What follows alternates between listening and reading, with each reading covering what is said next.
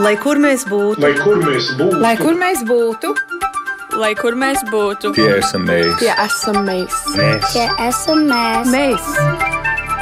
tas ir par mums. Tas ir par mums. tas ir par mums. Ižuī, San Paulu, Novodesa, Rio Novo, Kuritība, Kirisu, Krisiuma, Vārpa. No šīs manas nosauktās vietas es pieļauju domu, ka daļai mūsu skatītāju un klausītāju nenozīmē vispār neko. Kādai daļai tie ir kaut kādi punkti, kaut kad, kaut kur padzirdēts, ka tās ir vietas Brazīlijā, bet Brazīlijas latviešiem tās ir viņu mājas. Un šoreiz par to, kas uztur Brazīlijas latviešu kopienas saikni ar Latviju, kā veidojas savstarpējās attiecības latviešiem dzīvojot Brazīlijā, jo, nu, būsim godīgi, latvieši tur parasti ir viens no otra gana tālu, un uh, par iecerēm un par paveikto, par to, ar kādiem izaicinājumiem ikdienā sastopas Brazīlijas Latviešu kultūras apvienība un Dienvidu Brazīlijas Latviešu kopienas. To mēs pārunāsim šoreiz raidījumā Globālais Latvijas 21. gadsimts, kas raida tiešraidē visā pasaulē, gan radio viļņos, gan arī esam skatāmi Latvijas radio mājaslapā un Latvijas radio YouTube kontā.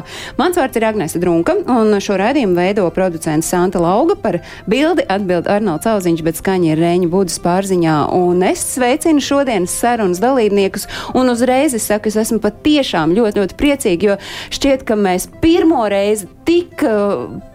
fokusētu skatu esam vērsuši tieši Brazīlijas virzienā.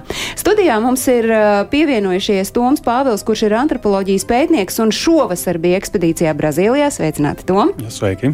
Andrejs Pūriņš ir uz mirkli iegriezies Latvijā, bet uh, ikdienā pārstāv Brazīlijas Latviešu kultūras apvienību, ir tās brīvprātīgais un pārzina visu to, kas ir svarīgs uh, latviešu jauniešiem Tieši Brazīlijā. tā, labdien. Latvija, labrīt, Brazīlijā. Jā, un labrīt, Brazīlijā. Es šoreiz saku Renātai Albre, Albrehtai, kura ir Brazīlijas Latviešu kultūras apvienības priekšsēdētāja.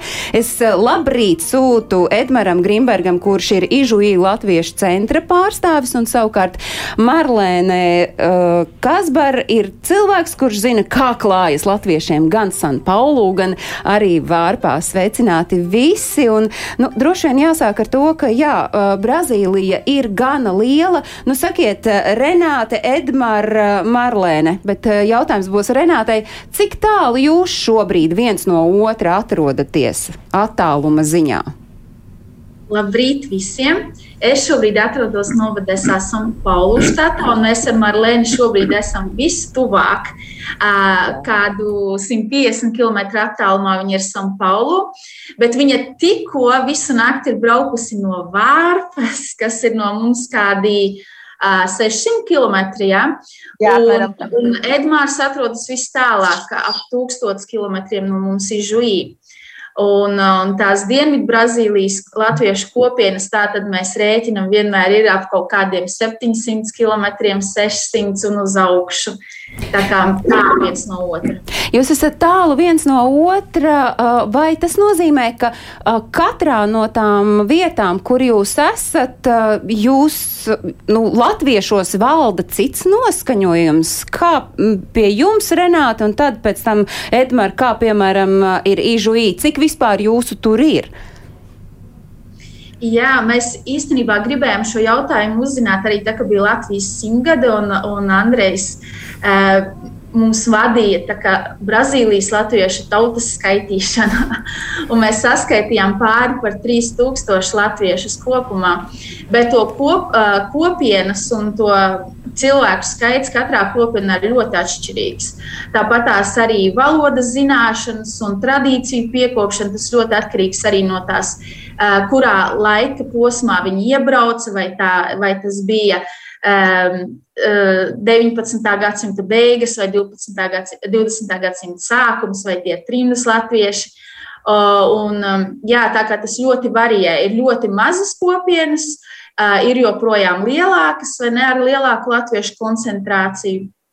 Nu, Edmēr, kā ir, kāds noskaņojums valda pie jums, Ižuī, jo uh, mirkli pirms raidījuma jūs teicāt, ka jums uh, latviešu valoda uh, varbūt nav tā spožākā, jo jums ikdienā vienkārši nav ar ko runāt, jo Ižuī nav daudz latviešu.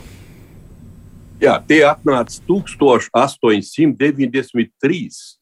43 familijas, lielāko daļu atbrauc no, no Liepājā. Un tad bija Kronbergs, Arais, Daniels, uh, uh, Ozols, kaut ko Kosa, uh, Priedols. Viss atnāca. Katrs, katrs gads dabūja viens gabals zem, 25 hektāris, un tā viņi iesāk 130 gadus atpakaļ. Un tas tos laikus viņi drīz pabeigs, ja, ja neuzspēsies.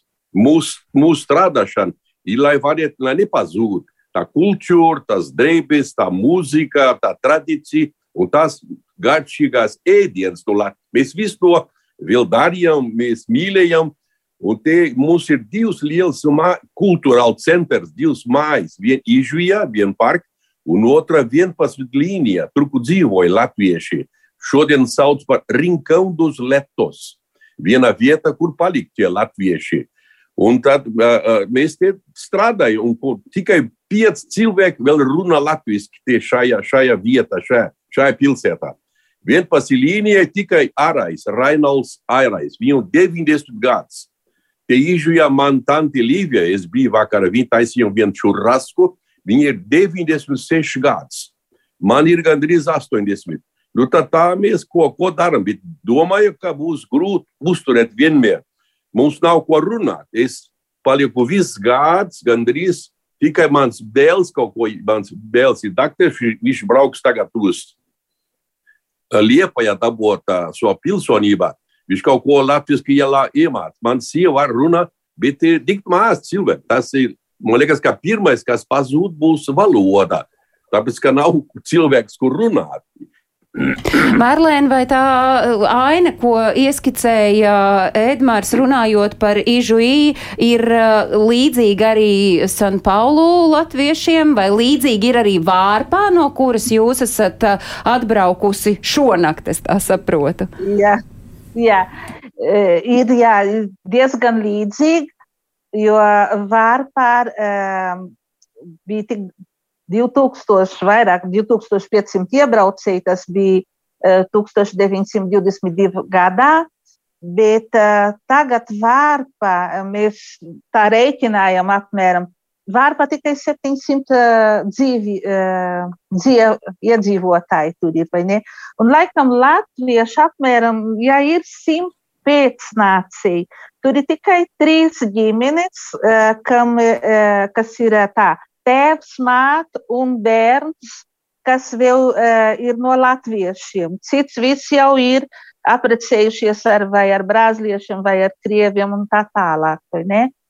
Un te San Paulu ar uh, iesākās apmēram uh, 1920. 20. gados. Tie pirmie, kas atbrauca San Paulu, bija no Vārpas. Un tad apmēram, kad bija 1950. gadā tad iebrauca no Latvijas, no otrā kara uh, ar latviešu. Bet tagad ir ļoti grūti sanākt kopā, un tas mums ir problēmas. Un ar kad runāt latviešu vārpā, es nezinu, var laikam kāds desmit cilvēks var pateikt, ka runā un kas saprot latviešu valodu. Ļoti mazi. Un tie São Paulā ir ļoti grūti atrast uh, cilvēki, kas runā. Man pašai ir mazliet grūti vēl runāt latviešu valodu, vai vēl mācīties vairāk.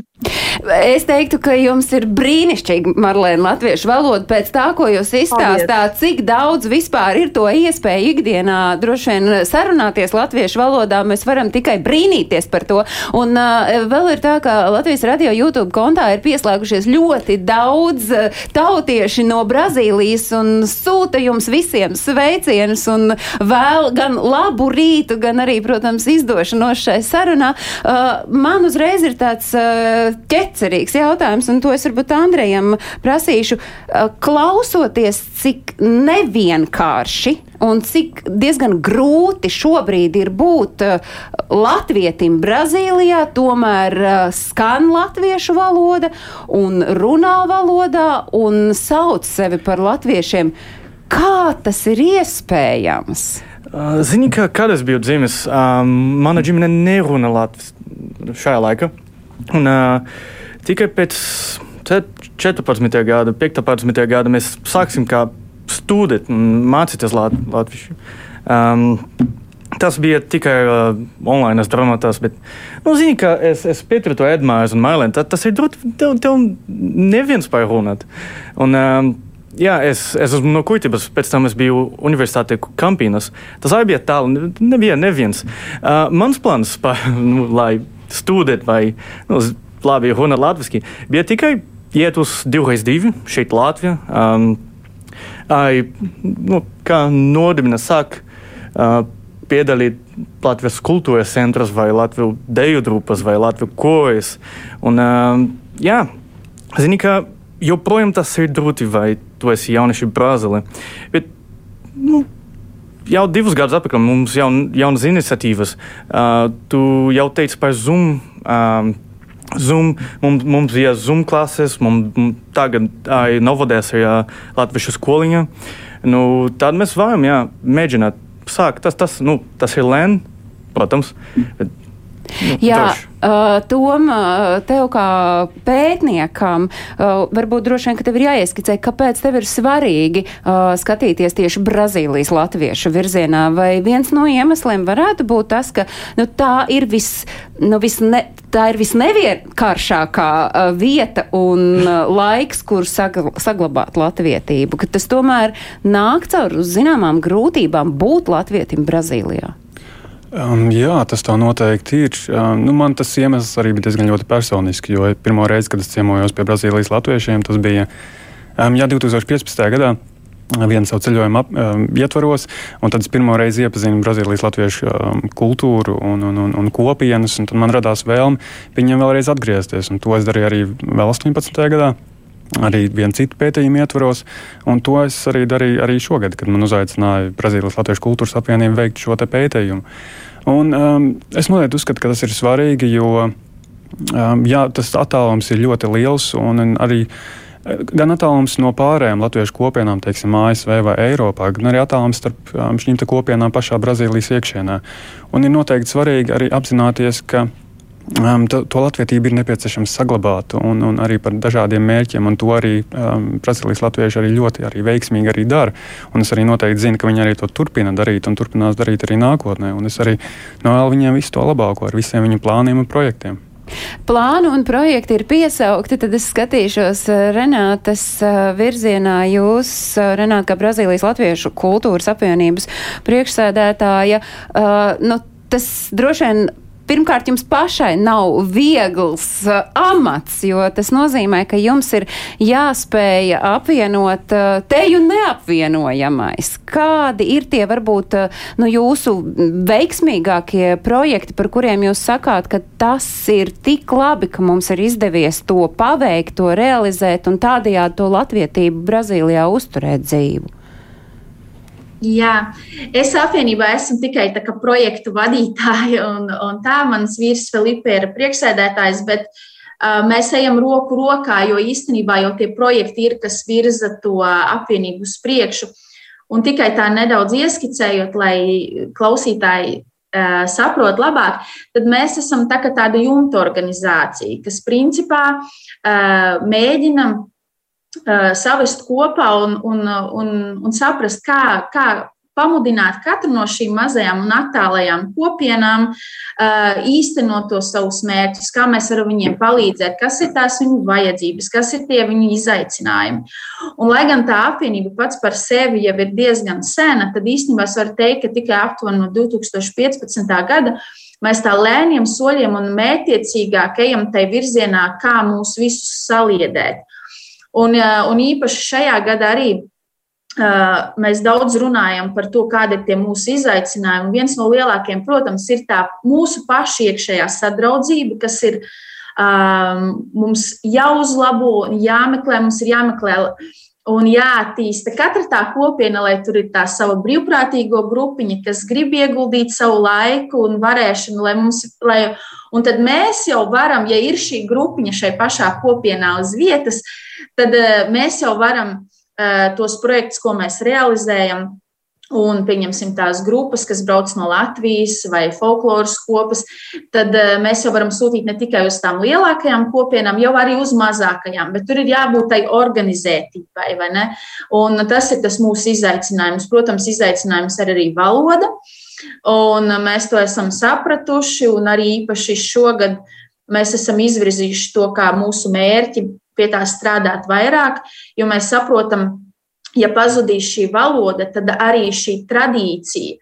Uh, viņa nebūs vairs tā tradīcija, ko mēs piekopjam ģimenēs un kas uh, caur mūsu sirdīm, kā latvietība. Tas būs vairāk tā, tāds uh, pasākumu veida, skatuviska tradīciju piekopšana, kas mums kā apvienībai ir brīnišķīgi, bet tas nav mūsu um, teiksim, mērķis, vai ne? Mūsu mērķis tiešām būtu saglabāt šo Latviju, latvietību tādā aspektā.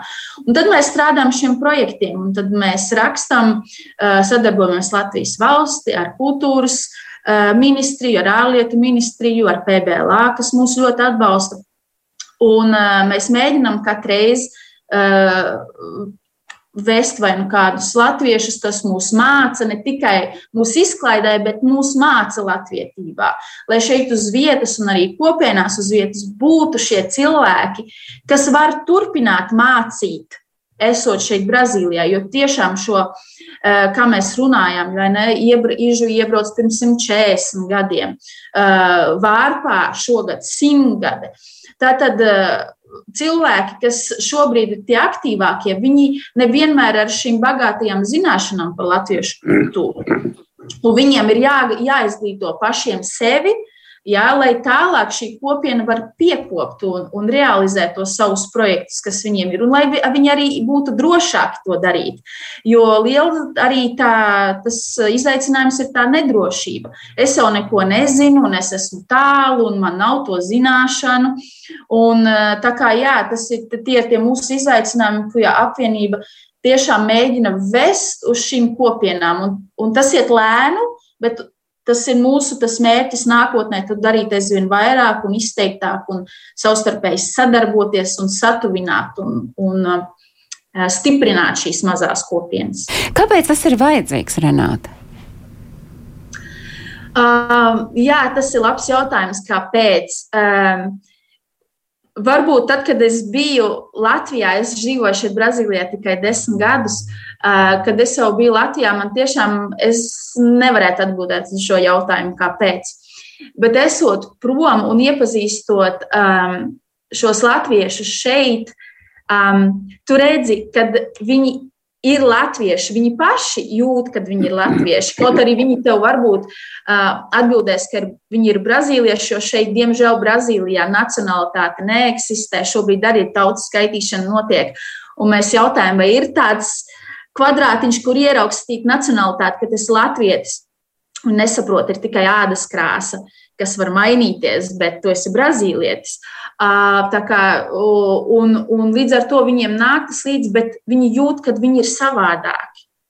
Viņi jūt, tad, kad tu redzi tās ģimenes gatavotos latviešu ēdienus, pat nerunājot vairs latviešu. Tas ir viss pārdzīvojis, tos visus viņi aizbrauc uz Latviju pirmo reizi, un, un viņi saka, es esmu kā mājās, es nerunāju, es, ne, bet es redzu, ka es esmu pilnīgi, es tagad saprotu, kāpēc es esmu tāds, jo es redzu, ka Latvijā tie cilvēki ir tādi, tā, tās manas raksturīpašības un viss. Un, um, līdz ar to mēs saprotam, ka šiem cilvēkiem ir svarīgi apzināties savas saknes, jo, ja viņi to nezina, viņi ir, uh, kļūst Mēs kļūstam pazuduši, mums nav tā pamata zem kājām. Mēs jau varam būvēt savu dzīvi Brazīlijā vai jebkurā citā valstī. Bet mums ir jābūt mierā un harmonijā pašiem ar sevi un tām savām saknēm, lai mēs varam būt stipri kā brazīlieši. Ja? Mums ir jābūt stipriem arī kā latviešiem, jo tad tu būsi ar vienu kāju. Tā māja tā neturēsies tik labi, tāpēc tas ir ļoti svarīgi. Un tāpēc arī droši vien joprojām ir cilvēki, kuri Brazīlijā runā latviešu valodā, lai arī tas ir gana sarežģīti. Un tas, ko Renāta pieminēja par to, ka nu, ir kaut kādas. Uh, nianses, kas atšķir uh, Brazīlijas brazīlieti no uh, Brazīlijas latvieša. Un es te skatos uzreiz Edmāra virzienā, jo jums uh, skatītāji un klausītāji mazliet izpalika šī iespēja redzēt uh, to vietu, no kuras ir šobrīd, proti, mājas, no kurām ir pieslēdzies Edmārs, bet Edmārs parādīja savu mazo dārziņu, kas izskatījās pēc puķu dārza uz uh, balkona, bet patiesībā uh, tur vērīgākie varēja samanīt, ka tur ir dilles. Tas nozīmē, ka tas ir spilgts apliecinājums, jo es saprotu, ka Brazīlijā principā cilvēki nu, dilles uh, ikdienā nē. Tas ir tāds latviešu rādītājs. Tā ir Edmara. Jā, es biju piecas reizes Latvijā. Es, es esmu, man ir pasaports latviešu ar lielu honoru, lielu prieks. Un tad es iemācīju, cik labi ir dili. Es nedzīvoju vēl bez dila.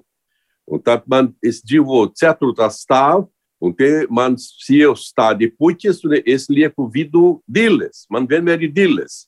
Es Bet... atvedu sēklu, es, es atvedu sēklas no Latvijas, atvedu vienu kilogramu. Un tad es vienmēr stādīju, ka visu gadu, visu gadu man ir diles. Man ir otrs, man ir otrs, otrā vietā, dārziņš lielāks, tur ir daudz vairāk, tikai pišķirle katru dienu. Bet, Edvard, tā dīles, tas ir, protams, tā ir tāda viena, uh, viena piederība, kas ļauj sajusties kā latvietim. Bet kas ir vēl tās, uh, Renāta pieminēja, kas ir tās jūsu vajadzības, lai jūs varētu teikt, jā, es dzīvoju Brazīlijā, bet es esmu latvietis, lai jūs varētu būt mierā ar sevi? Kas ir vajadzīgs?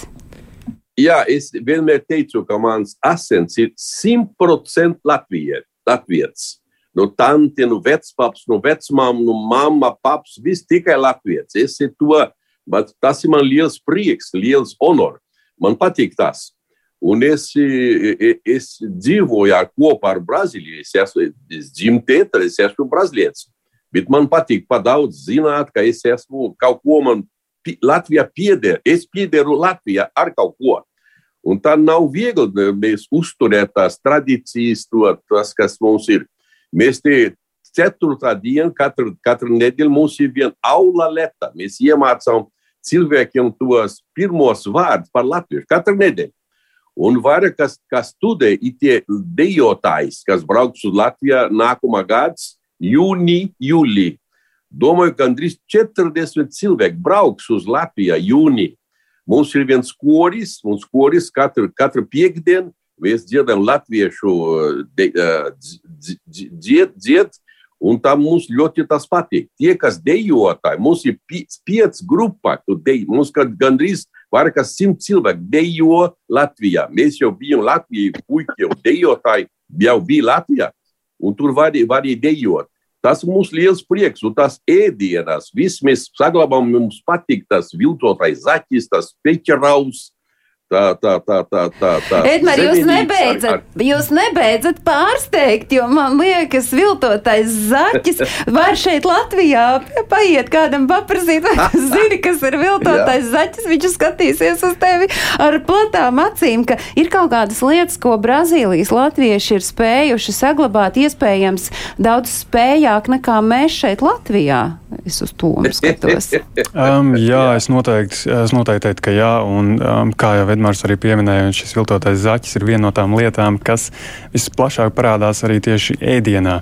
Um, jo arī pētījumā mums arī parādījās. Um, Un sākotnēji nebija tas uzsvars tik ļoti liels uz, uz, uz ēdienu, bet tad, kad cilvēki sāk stāstīt, un kad mēs dzirdējām, kad viņi sāk stāstīt par saldo zupu, kad viņi sāk stāstīt par citiem ēdieniem, un uh, tad mēs sākām saprast, ka, kas vispār ir saldā zupa, jo šodien mūsdienās Latvijā to īsti nē.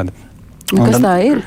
Es tagad domāju, tā nav maizes zupa. Nē, nē ir maizes zupa, ir saldā zupa, ir kompots, ir ķīsels. Um, saldā zupa ir, ir būtībā kompots ar augļiem, bet um, augsts, un, un to, to varētu citreiz likt klāt, piemēram, bubertam.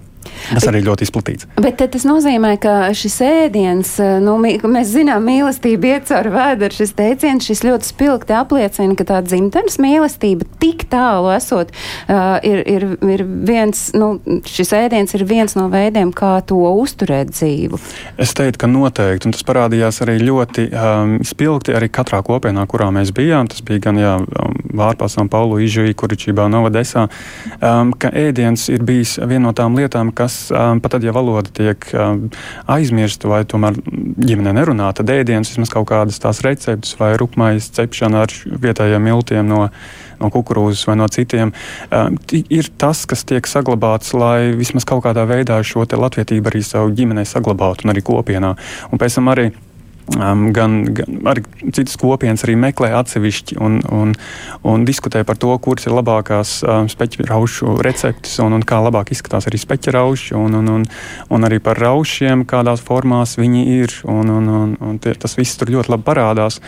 Un, un, un pēc tam mēs arī um, šos rezultātus noteikti arī um, tālāk rādīsim un stāstīsim. Tas nozīmē, ka mēs noteikti pie šī stāsta vēl kādu dienu atgriezīsimies, bet tagad es gribētu uh, jautāt uh, Marlēnai, uh, nu, par vārpu runājot. Uh, vārpa ir tā vieta, kur uh, šogad svinēs uh, simtgadi, kopš tur ir latvieši, un, un uh, latvieši turp, kad viņi 1922. gadā devās, viņi uh, kā jūs paši esat teikuši, Somās nesa ne tikai drēbes, bet arī sapņus un cerību uz savādāku dzīvi.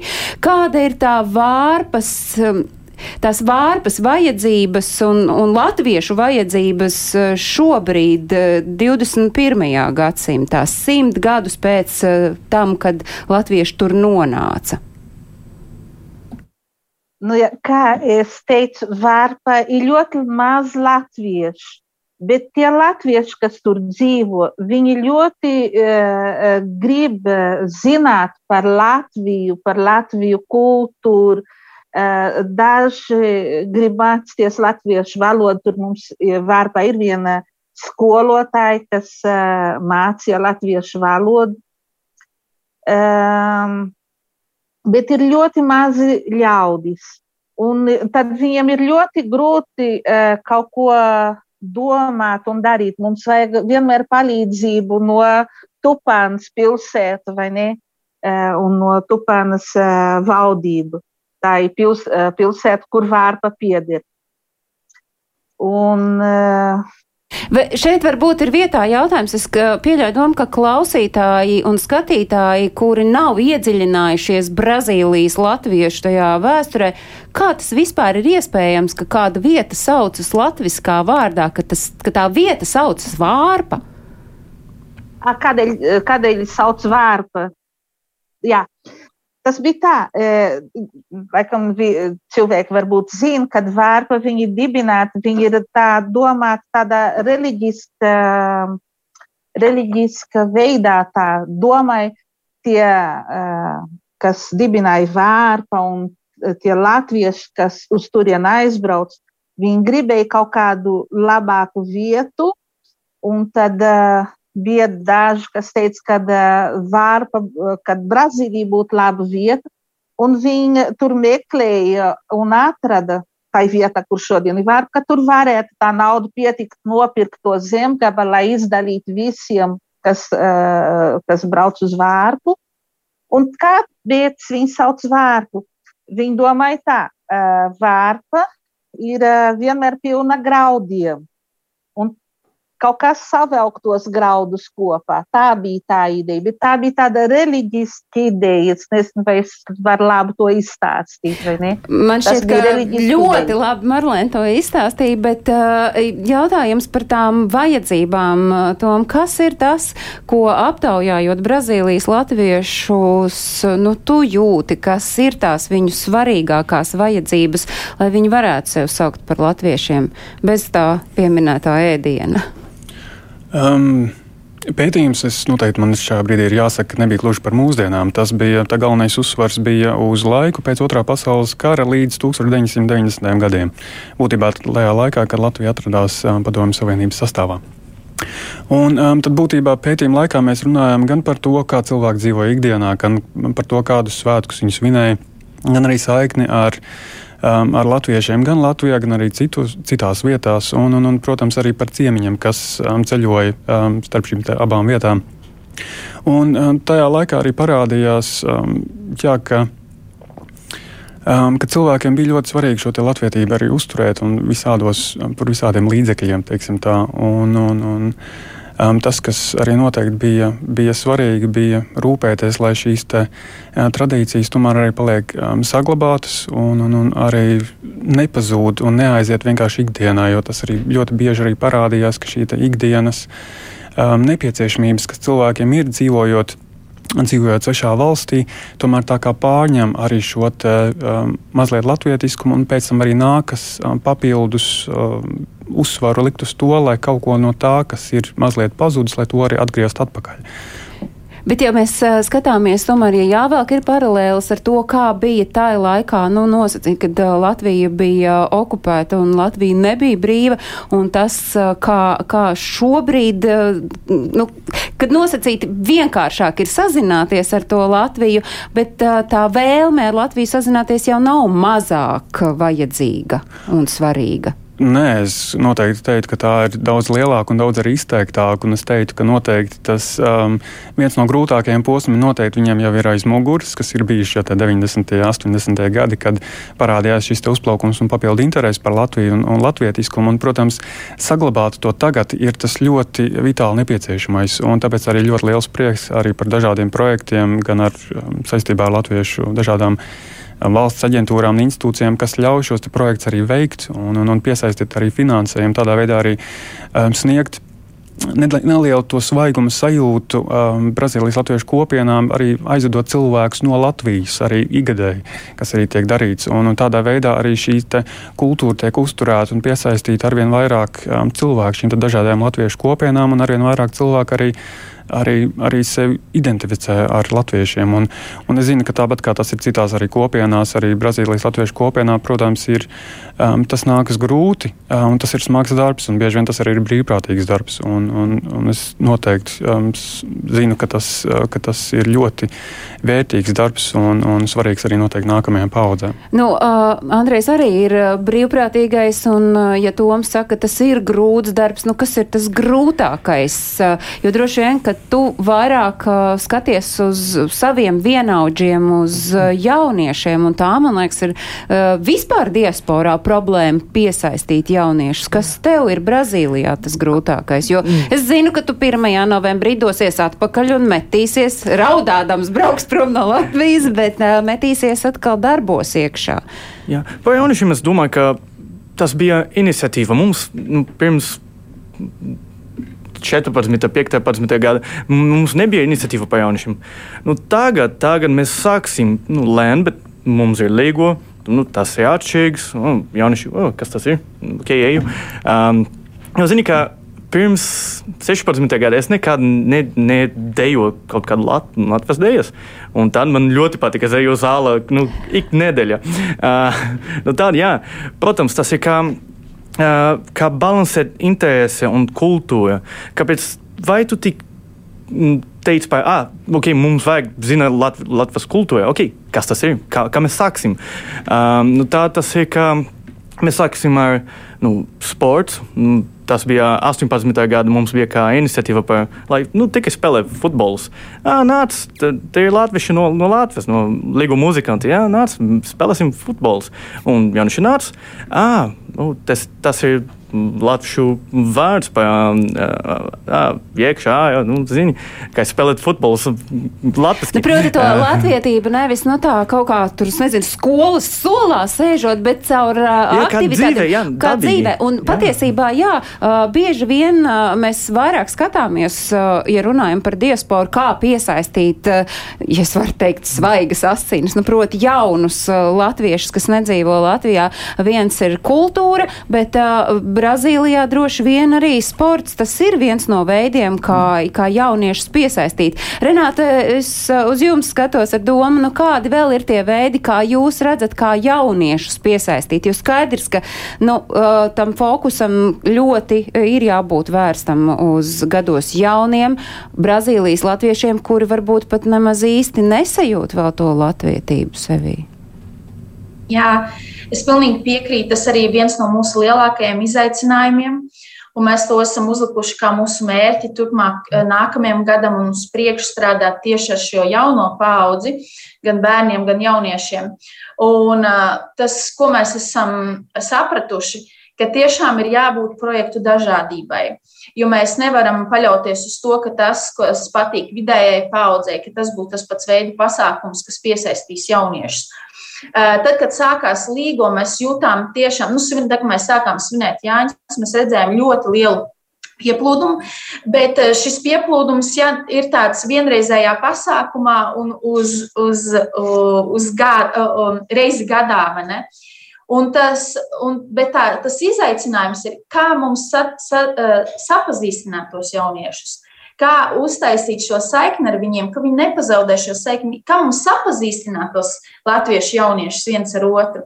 Ir ne? idejas jau, kā to izdarīt. Draudzība. Ir jau idejas, jā. kā to izdarīt.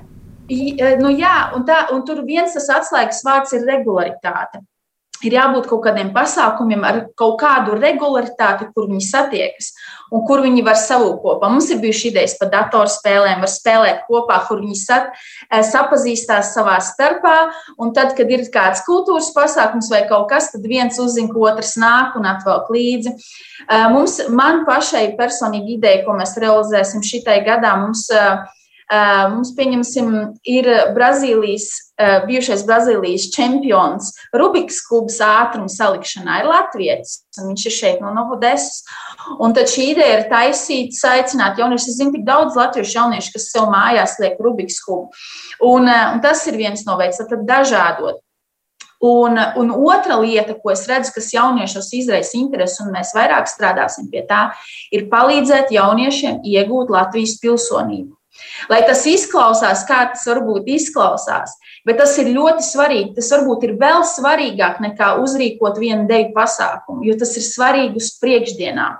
Jo viņš, viņam tad ir uh, motivācija apciemot Latviju, viņam motivācija mācīties latviešu valodu, un tiešām mēs redzam, ka tā ir. Un tas var izmainīt Latvijas, Brazīlijas kopienas nākotni pilnībā, pat ļoti izmainīt. Tāpēc, ka pat ja viņa bērni nezinās neko, bet viņiem, viņ, viņš redzēs, ka tas ofi, oficiāli man vecāki bija latvieši, un viņš sāks meklēt, varbūt paši, jo tas tomēr ir arī uz pašu interesi, pašu iniciatīvu ļoti atkarīgs. Ir bērni, kuriem tas ļoti interesē, un bērni, kuriem nē. Bet tas ir tas, tā lieta, kas ļoti saved kopā. Jo mēs esam tālu un mums ir jāsatuvina Mums ir jāpasniedz un jāparāda, ka viņi ir svarīgi. Un kad mēs parādām, ka viņi ir svarīgi Latvijai, tad mēs arī parādām, ka viņiem ir arī kaut kādi pienākumi, kā šogad, piemēram, bija vēlēšanas. Mēs rī, tomēr spējām uztaisīt balsošanas iecirkni šeit, Novadēsā, jo bija pietiekami daudz pilsoņu. Mēs, mēs spējām motivēt, lai šie pilsoņi nāk uh, balsot. Uh, un, un, un tas, ko viņi teica, ir Mēs jautājām, nu kā, kā jūs izdomājat, par ko, par ko jūs balsoties? Mēs, protams, palīdzējām tūkot šīs partiju programmas, un lai viņi var izvēlēties, bet kā jūs izvēlēties? Un tad viņi teica tā, ko es novēlu savai dzimtenei Brazīlijai, to es novēlu savai tēvzemei Latvijai. Un viņš nāk ar šo apziņu, ka tas ir viņa pienākums. Un tā kā mēs to redzam, un to mēs Tā mēs redzam, ka mēs varam satuvināt šos punktus. Bet uh, pirms mēs noslēdzam sarunu, jums uh, Brazīlijā dzīvojot, ir tā sajūta, ka jūs esat svarīgi arī Latvijai, un vai tas jums dod papildu motivāciju darboties un mudināt, uh, iesaistīties latviešu sabiedrībā tos, kuri varbūt ir ļoti tālu un arī šobrīd pat nerunā latviski? Vai jūs jūtaties svarīgi Latvijai? Es domāju, ka ar katru gadu mēs jūtamies vairāk svarīgi. Sevišķi ar diasporas politiku, ar atbalsta programmām, eh, kas eh, nāk no Latvijas valsts. Eh, un arī Novodesā kopā ar San Paulu un Vākums un Brazīlijas latviešu koris, kas piedalīsies jau otro reizi, plāno piedalīties dziesmu svētkos, Tas mūs satuvina, tas mums parāda, ka ir svarīgi, ka viņi var uzkāpt kopā ar Latvijas kopu uz vienas skatuves. Un ka tas ir, um, Tas ir ļoti svarīgi, un viņi to emociju atved atpakaļ. Uh, Stāburaks, kas aizbrauks otro reizi dejot uz lielās um, deju plāča, viņi atbrauks atpakaļ ar to enerģiju un ar to.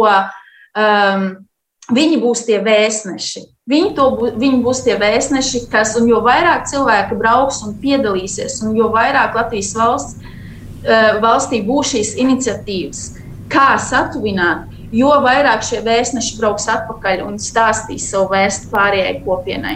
Paldies, Renāta! Tas, ko es jums ikvienam un ik katram novēlu, lai jums izdodas gan satuvināties pašiem savā starpā, gan arī satuvināties ar tik ļoti tomēr tālo Latviju. Es, uh, Esmu spiesta šoreiz pielikt punktu mūsu sarunai, bet es ceru, ka šis punkts būs patiesībā daudz punktu un ka mēs noteikti vēl ar Brazīlijas latviešiem satiksimies. Un es saku paldies šoreiz Renātei Albrehtai, kur pārstāv Brazīlijas latviešu kultūras apvienību, Edmaram Grimbergam, kurš savukārt ir Ižu I latviešu centra pārstāvis, un Marlēna Kasbara, Kasbara ir savukārt cilvēks, kura zina, kā klājas latviešiem gan Vārpā, gan, gan, gan San Paulu Un paldies, protams, arī viesiem, kuri šoreiz bija klātienē. Andrejs Puriņš eh, arī dosies drīzumā atpakaļ uz Brazīliju, bet tu zini, Andrej, mēs gaidām tevi atpakaļ un mēs ikvienu gaidām eh, braucam šeit uz Latviju, īpaši jau uz dziesmu un dēļu svētkiem. Un, protams, Toms Pāvils, kurš ir antropoloģijas pētnieks un arī savu uzmanību pētniecībā ir vērsis Brazīlijas latviešu virzienā. Es atgādinu skatītāji un klausītāji, ka viss ārpus Latvijas dzīvojošajiem aktuālais notikumu kalendārā ir meklējams portālā latviešu.com. Turpat skatīties varat mūsu raidījumu un atkārtojums skan katru svētdienu uzreiz pēc ziņām trijos dienā pēc Latvijas laika. Paldies, lai jums Brazīlijā brīnišķīgi brīnišķīga diena. Latvijā savukārt visiem, lai rāma atlikusī dienas daļa. Paldies, Inatā!